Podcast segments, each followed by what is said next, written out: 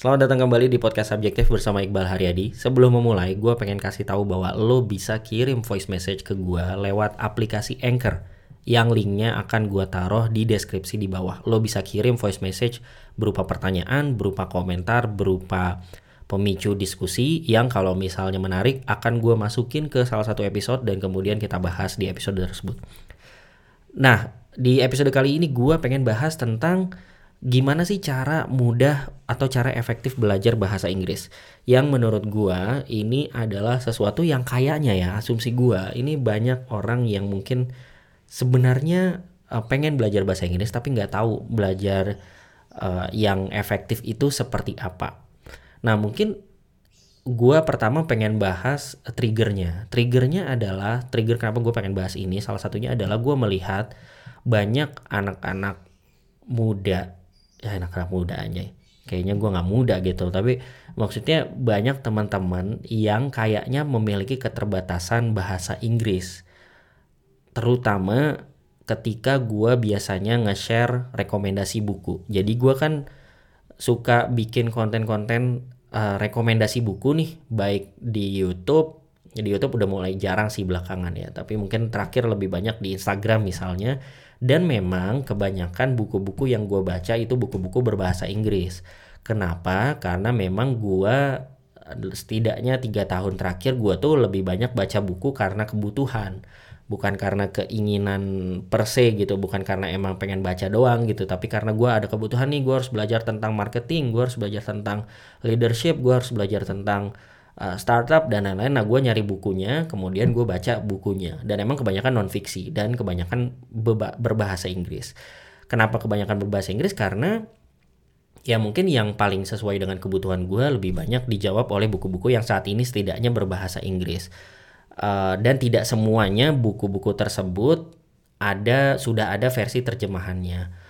Uh, pun kalau ada versi terjemahannya biasanya gue juga lebih prefer untuk baca yang berbahasa Inggris. Kenapa? Karena biar tidak ada lost in translation istilahnya. Tidak ada eh, makna-makna uh, yang hilang karena diterjemahkan. Dan itu biasa terjadi ketika ada sebuah tulisan atau sebuah manuskrip yang ditulis dalam bahasa tertentu kemudian kalau diterjemahkan akan ada loss in translation itu tidak hanya terjadi di bahasa Inggris ke bahasa Indonesia tapi bahkan buku bahasa Indonesia kalau misalnya ada novel bahasa Indonesia atau buku non fiksi bahasa Indonesia yang diterjemahkan ke bahasa Inggris pasti ada makna-makna yang bergeser atau tidak seperti seharusnya karena ada kalimat-kalimat yang mungkin tidak tidak punya padanan yang sama persis di bahasa lain. Nah, ketika gue merekomendasikan buku-buku berbahasa Inggris ini biasanya komentar-komentarnya banyak yang bilang teman-teman yang berkomentar bang ini ada versi terjemahannya nggak? Gitu. Atau bang ada versi bahasa Indonesia ada aja nggak saya nggak bisa bahasa Inggris? Gitu mereka nadanya nggak gitu sih ya tapi gue bacanya kayak gitu.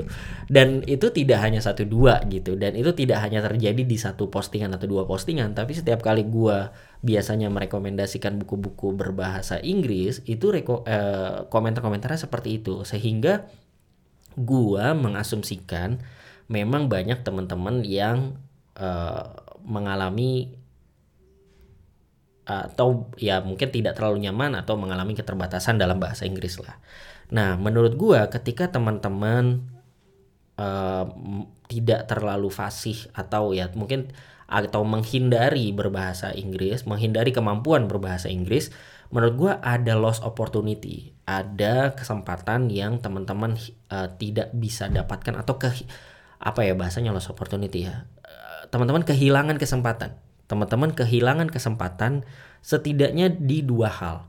Yang pertama adalah kehilangan kesempatan untuk memiliki sumber belajar yang tidak terbatas. Ketika teman-teman bisa berbahasa Inggris atau bahkan bahasa-bahasa lain gitu ya, semakin banyak bahasa yang lo bisa kuasai, maka lo akan bisa mengakses sumber belajar yang jauh lebih luas dibandingkan dengan kalau lo hanya bisa berbahasa Indonesia saja.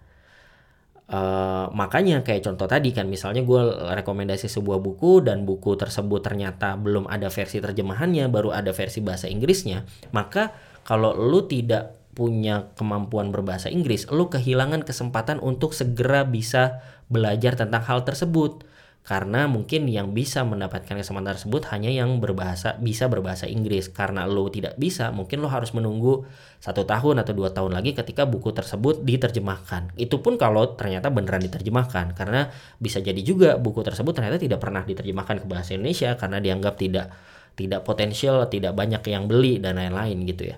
Itu yang pertama. Yang kedua ketika lo uh, tidak bisa atau kemampuan berbahasa Inggris lo terbatas, maka lo kehilangan kesempatan untuk mengekspan jaringan lo, memperluas jaringan lo, kenalan lo uh, ke orang-orang yang lebih luas. Karena sebenarnya alasan yang sama gitu ketika misalnya lo bisa berbahasa Inggris ya lo mungkin bisa reach out teman-teman yang tinggal di negara lain ngomong dengan bahasa Inggris tapi kalau misalnya lo nggak bisa ya mungkin lo terbatas. Lo hanya akan bisa kenalan sama orang-orang yang berbahasa Indonesia saja gitu. Nah sehingga di situlah menurut gue penting sekali untuk kalau kita bisa berbahasa Inggris dengan oke okay, maka uh, kita bisa mendapatkan peluang-peluang yang mungkin sebelumnya tidak bisa kita dapatkan gitu. Jadi gue juga nggak bilang bahwa orang yang berbahasa Inggris itu pasti lebih baik dibandingkan dengan yang enggak. Enggak Cuma kalau lu bisa berbahasa Inggris, maka lu bisa mendapatkan peluang-peluang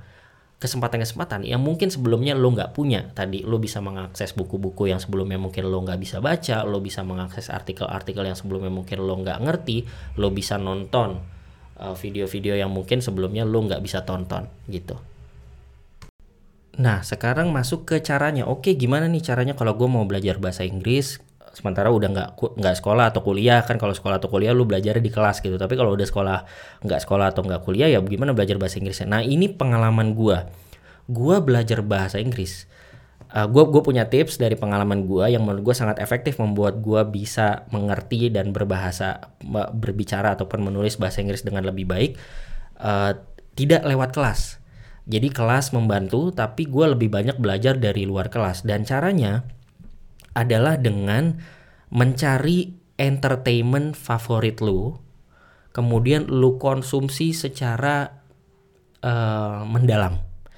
Karena lu cari entertainment favorit lu, bisa film, bisa series, bisa lagu, bisa game, uh, apa pun itu yang lu favoritkan banget, lu cari yang paling sesuai sama lu, yang lu suka banget, terus lu konsumsi entertainment tersebut dalam bahasa Inggrisnya, kemudian lu cari tahu artinya apa, lu pelajari, lu ulang-ulang sehingga lu belajar bahasa Inggris dari sana. Gue ambil contoh ya, misalnya gue salah satu eh, sumber belajar bahasa Inggris gue paling utama yang bisa bikin gue berbicara bahasa Inggris dengan fasih dan mengerti struktur bahasa Inggris dengan lebih baik adalah film gue banyak nonton film eh gue banyak film-film favorit gue misalnya film-film Christopher Nolan Inception uh, Batman The Dark Knight trilogy uh, apalagi ya?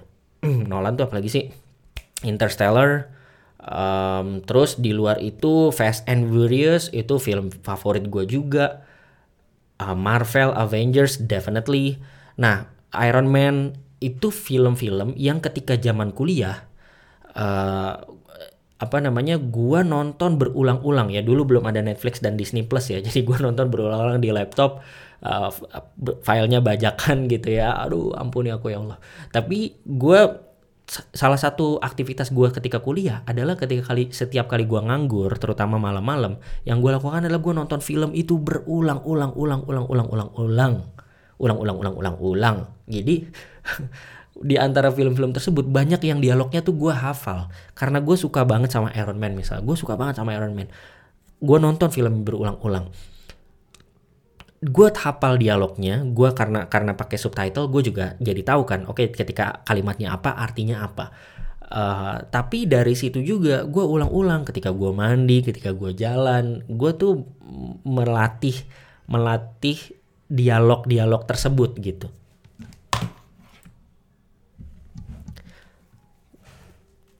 gue melatih dialog-dialog tersebut uh, di otak gue atau bahkan kadang-kadang gue gua ngomongin juga di mulut gitu ya.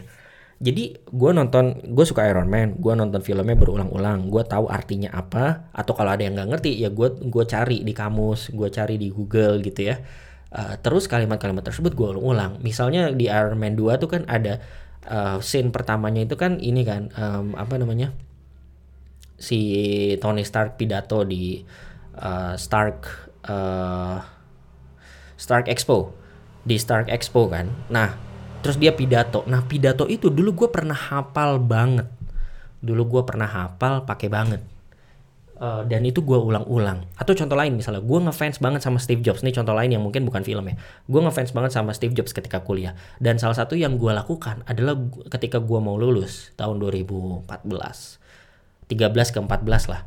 Uh, gue nonton berulang-ulang video dia yang dia kasih speech uh, di Stanford. Um, Steve Jobs, coba kita cari ya commencement speech. Oke, okay. nah ini tuh video yang gue tonton berulang-ulang sampai gue hafal sampai gue tahu semua arti kata-kata bahasa Inggris yang ada di dalam video ini dan tidak hanya itu ya gue berlatih berulang-ulang sehingga ya gue jadi jago bahasa Inggris ya gitu gue belajarnya dari sini jadi gue jadi ngerti oh struktur bahasa Inggris tuh kayak gini dan ketika gue uh, baca hal lain gue jadi lebih ngerti gitu. Nah gue rasa ini sebuah metode yang bisa diaplikasikan ke semua orang karena setiap orang pasti punya um, idolanya masing-masing, punya entertainment favoritnya masing-masing, film, aktor, uh, podcast, musik, apalagi seriesnya mas favoritnya masing-masing dan lu belajarnya dari sesuatu yang lu suka jadi lu nggak belajar dari kelas tapi lu belajar dari sesuatu yang lu suka lu tonton lu ngertiin lu uh, apa ya lo coba latihkan berulang-ulang sehingga lama-lama lo akan familiar dengan hal tersebut ini contoh ya. Ini deh ya nanggung nih. Contoh ya misalnya di di YouTube kan video yang dia dari Stanford Steve Jobs bikin apa speech berbahasa Inggris itu gue tonton berulang-ulang dan gue latih berulang-ulang sehingga gue belajar bahasa Inggris dari sana.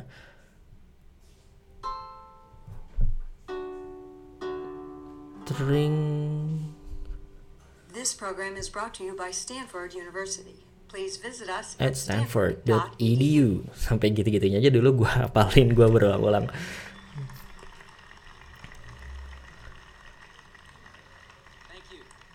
Ama. Ama, ama itu aja dulu gue latih berulang-ulang. University in the world. Truth to be told, I never graduated from college. Hmm, this is the closest I've ever been to a graduation. Ya dulu gue hafal banget lah ini. Nah itu kayak gitu. Jadi gue juga nggak ngerasa gue pernah belajar bahasa Inggris yang gimana gimana banget gitu ya. Maksudnya selain di kelas. Kalau di kelas ya belajar belajar gitu. Cuma kan nggak selalu menyenangkan ya kalau belajar di kelas. Mungkin ada experience lo yang menyenangkan, ada juga yang nggak menyenangkan karena berbagai faktor. Mungkin gurunya nggak cocok, mungkin emang lu nya aja ketika itu males dan lain-lain gitu ya. Tapi mengetahui bahwa bahasa Inggris penting untuk membuka kesempatan lu belajar banyak hal eh, dengan lebih tidak terbatas, maka uh, belajar bahasa lu perlu belajar bahasa Inggris dan cara yang paling menyenangkan adalah salah satunya kayak gini gitu, cari film, cari game, cari apa pun yang menurut lo menyenangkan, lo konsumsi konten tersebut dalam bahasa Inggrisnya, lo latih berulang-ulang uh, baik lo di ban sendiri lo atau mau lo aplikasikan ke hal-hal lain bisa-bisa aja gitu. Jadi kayak gue dulu banyak tuh kayak ada lomba-lomba atau kesempatan-kesempatan gue berlatih bahasa Inggris gue mengutip beberapa speechnya Tony Stark gue taruh di speech gue gitu.